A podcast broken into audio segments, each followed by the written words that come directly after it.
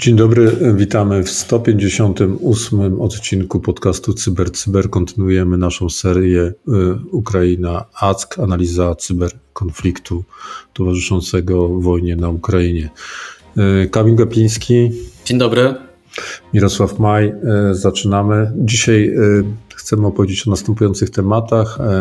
Ghostwriter w atakach na Ukrainie, aktywizm przez SMS-y, CSERT-MON publikuje drugą część analizy Hermetic Vipera, ślady chińskiej działalności, ICANN nie odetnie Rosji od internetu, raport na temat aktywności w Darknecie, ataki supply chain na rosyjskie serwisy rządowe y, i ponownie zachęcimy Was do udziału w semaforze 2022 i lidze cybertwierdzy. Zaczynam od e, Ghostwritera. Zaczynam od Ghostwritera e, dlatego, że jest to coś, co dobrze w Polsce znamy. Dla przypomnienia, Ghostwriter to jest hasło związane z tym, co obserwowaliśmy w szczególności w zeszłym roku w Polsce, jeżeli chodzi o dedykowane, targetowane ataki przeprowadzane przez grupę Y, opisywaną jako UNC 1151. Ta grupa znowuż, białoruska grupa APT znowu się uaktywniła, tym razem jej działalności towarzyszą zainfekowane pliki, które udają pliki wysyłane ze, ze strony jakby ukraińskiej, oficjalnej, nawet są wykorzystywane logotypy ukraińskiej służby specjalnej, jak również prezydenta Ukrainy, oczywiście po to, żeby no jakby schemat phishingowy y, zadziałał i, i żeby doprowadzić do infekcji y, komputerów. Zebrano już trochę takiej informacji na ten temat. 4 y, marca w szczególności ta aktywność miała E, miejsce, więc e, jakby uczulamy również, e, to na, na tę chwilę nie mamy informacji, żeby dotyczyło Polski, no ale wiadomo, ta grupa ma tutaj historycznie dla nas bardzo nieciekawe, dość, z, naszej, z naszego punktu widzenia nieciekawe doświadczenia dla nas i musimy pewnie być czujni. Kilka odcinków temu mówiliśmy o pewnych przejawach aktywizmu mówiliśmy o tym, że hakerzy przejęli mm, strumień e, telewizji satelitarnej, rosyjskich kanałów e, informacyjnych głównych i wyświetlali tam antypropagandę, tak? prawdziwe informacje o wojnie za naszą granicą. I dzisiaj kolejna odsłona takiego e, aktywizmu, aktywizmu w zasadzie mm, jest nowa wersja zaktualizowana takiej usługi. Ona się nazywa Skład 303, e, która mm, umożliwia e, generowanie mm, SMS-ów w języku rosyjskim, które informują o tym, co się tak naprawdę dzieje na wojnie, również w takim kontekście właśnie e, kampanii informacyjnej e, skierowanej do obywateli Federacji Rosyjskiej oraz e, generuje losowe numery telefonu, na, który mają, na które mają zostać wysłane te SMS-y. Ze, ze, strony jakby komputera stacjonarnego, tak? Tutaj oczywiście ta aplikacja webowa no nie wyśle tego SMS-a, ale jeżeli otworzycie link na E, waszych telefonach, no to automatycznie taki SMS zostanie wysłany. Tak, oczywiście sami musicie kliknąć e, send. E, do, do, waszej oceny oczywiście jest forma takiego aktywizmu, ale tutaj mówimy o tym, ponieważ mocno Anonymous promuje tę formę aktywności. Dla naszych słuchaczy oglądających nas na YouTubie krótki e, filmik pokazujący właściwie jak to działa, tak? Tutaj też e, wkleimy. No i czekamy na kolejne formy tego e, aktywizmu, w jaki sposób będą informowani, informowani obywatele o tego typu działaniach. Tak jak wspominaliśmy już kilka podcastów temu, staramy się tutaj uważnie śledzić to, co polskie struktury zaplanowane w Krajowym Systemie Cyberbezpieczeństwa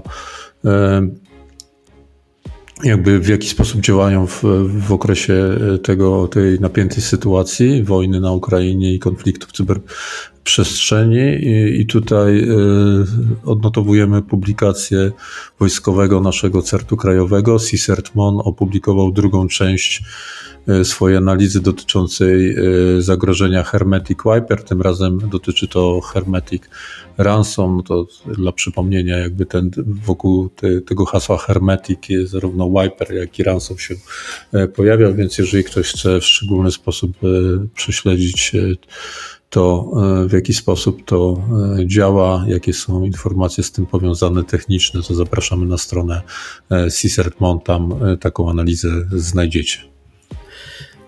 Nasz podcast jest, e, ta edycja podcastu dotyczy cyberwojny, e, w której nie tylko odgrywają rolę e, strony ukraińskie i rosyjskie, ale także potencjalnie inni aktorzy. No, z tym jest oczywiście naturalnie związana jakaś gra geopolityczna i tak się składa, że mm, mniej więcej w tym samym czasie, jak zaczęła się wojna, to E, jest pewne okno czasowe, gdy e, chińska grupa APT-41 nadal wykonywała, APT-41 nadal wykonywała e, swoje ataki na agencje rządowe, instytucje amerykańskie.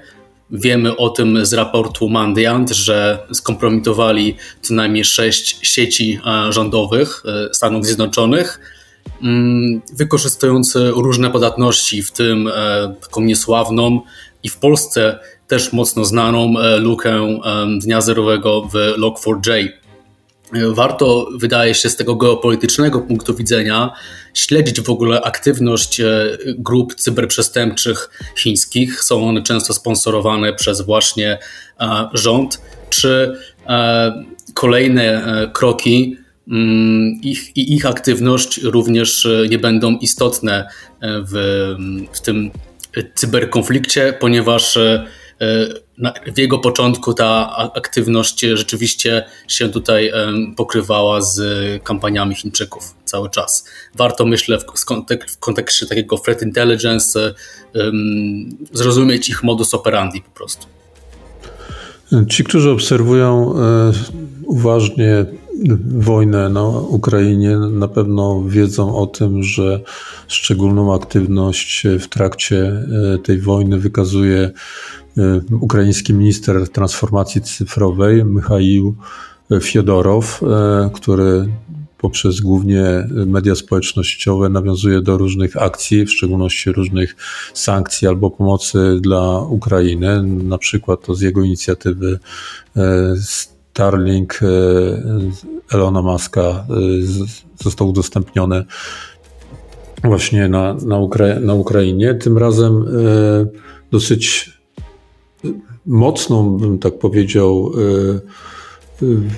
prośbę wystosował e, Fiodorow do społeczności międzynarodowej, a w szczególności do ICANA, żeby usunąć domeny powiązane z Federacją Rosyjską, czyli jest to domena RU pisana w łacinie i pisana cyrylicą, jak również no jeszcze tutaj e, ostatki po e, poprzednim systemie, czyli domena SU. Natomiast no, ICANN dosyć e, zasadniczo odpowiedział, że absolutnie nie dopuszcza takiej sytuacji, żeby to był pomysł na wyłączenie Rosji z internetu, żeby te, tego typu sankcje zastosować. No tłumacząc to jakby stwierdzenie, że to nie jest w ich misji, jak również nie jest to w praktyce możliwe. E, no, wydaje się, że, że ta odpowiedź Aikana jest e, e, sensowna, tak bym to powiedział, no, mimo tego, że tutaj w tym naszym krótkim formacie podcastowym za bardzo się w jakieś większe oceny nie włączamy. Pewnie jest to ciekawa dyskusja i być może jeszcze do niej wrócimy. Natomiast rzeczywiście internet jako twór techniczny zdecentralizowany. Trudno by było przypuszczać, żeby tego typu akcja była w stanie w praktyce rzeczywiście być skuteczna, więc myślę, że nawoływanie do niej jest troszeczkę bezzasadne. No, no też być może tak półfilozoficznie jest trochę bezzasadne, no w momencie, kiedy zaczynamy traktować sieć internet, szeroką sieć internet jako kolejną domenę działalności człowieka w ogóle, prawda? Bo tak na przykład wynika z tego, co kiedyś często przywołujemy, że postanowiliśmy na szczycie NATO w Warszawie, no, no to trudno by było sobie e, wyobrazić przeprowadzenie tego typu akcji. Ale przy tej okazji może warto e, przypomnieć to, o czym mówiliśmy kilka dni temu, o tym, że władze rosyjskie wydały bardzo mocne zalecenie, żeby do 11 marca, czyli do jutra, przeprowadzić szereg najróżniejszych e, działań technicznych związanych, kojarzonych z tym, że chcieliby być e, niezależni, jeżeli chodzi o sieć, o dostęp do sieci internet, konieczność korzystania z łączy międzynarodowych. To niektórzy interpretowali jako przygotowanie do odłączenia się od e, internetu, tak mówiąc kolokwialnie. No nie, nie podzielaliśmy w naszej krótkim komentarzu tej opinii, ale być może jest tak, że e, jest to powiązane e, z czymś, co jest planowane z punktu widzenia nie tylko defensywnego, ale ofensywnego. Cały czas wisi w powietrzu jakby opinia, że w tej chwili to na pewno nie jest wymiar cyberwojny, jaki mógłby odpukać, tak, mieć miejsce, tak, czy on mógłby mieć znacznie poważniejsze konsekwencje. Więc to wszystko w tej skali mega, jeżeli chodzi o e, korzystanie z sieci internet in total, że tak się wyrażę, y, nadal jest pod znakiem e, zapytania. Tutaj dużo rzeczy może się zdarzyć i musimy bardzo pilnie obserwować również z punktu widzenia bezpieczeństwa na poziomie państwowym, ale i poszczególnych podmiotów. E, te rzeczy zachęcamy mocno do tego. Mówiliśmy o, o, internecie. Mm, sprawdźmy zatem, co się dzieje w darknecie i w deep webie, w ukrytych sieciach. Firma, która dostarcza m.in. usługi API web.io, otworzyła taki mm, raport, który y, opisuje aktywność hakerów, aktywność użytkowników y, mm, darknetu właśnie w kontekście e, wojny e, na Ukrainie i zrobili szereg takich ilościowych badań, dosyć prostych, jeżeli chodzi o metodologię, ale na pewno technicznie też tutaj e, na pewno ze strony technicznej interesujących. E, zainteresowanie jest istotne, tak?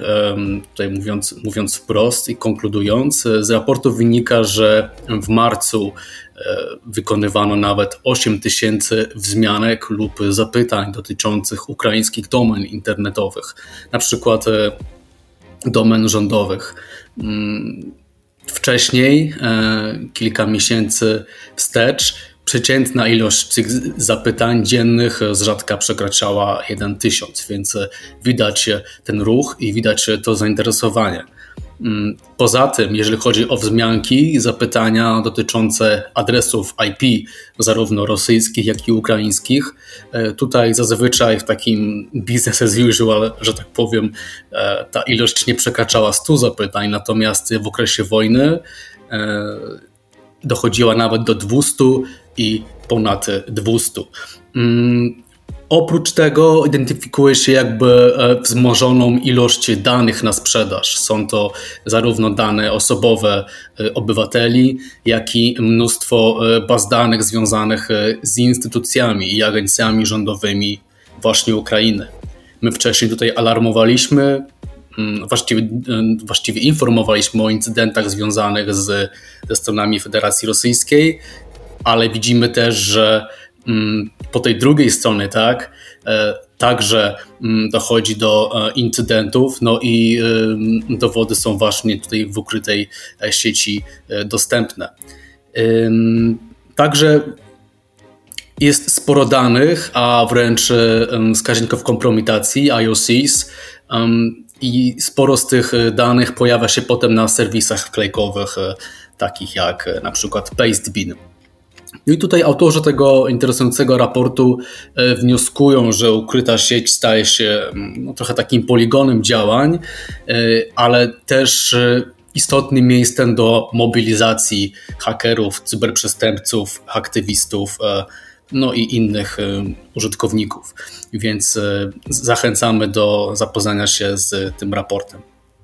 Ja tylko może w jednym zdaniu chciałbym podbić zainteresowanie tym raportem, o którym Kamil mówił. Bardzo ciekawy raport, tam można bardzo dużo jeszcze innych ciekawych rzeczy znaleźć dotyczących aktywności, tego kto więcej tych e, domen do atakowania publikuje i tak dalej, i tak dalej. Myślę, że przy tej okazji też powstają z punktu widzenia takiej e, bardziej zaawansowanej analityki wzorce, które można by było wykorzystać w przyszłości do tego, żeby porównywać sytuację obecną i ewentualny wzrost ryzyka w przyszłości, jeśli można by, jeżeli będą wykrywane podobne formy działalności. Także też jakby przyłączam się do e, polecenia tego raportu jest, jest bardzo e, ciekawy.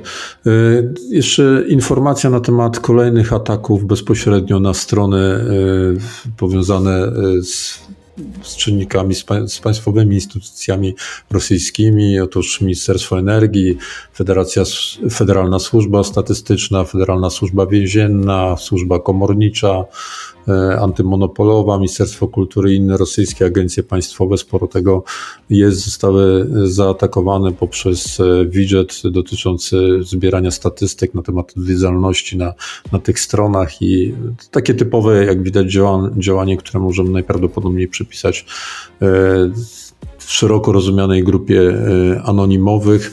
E, mówimy o tym nie tylko dlatego, e, że to się właśnie dzieje przy okazji tego cyberkonfliktu.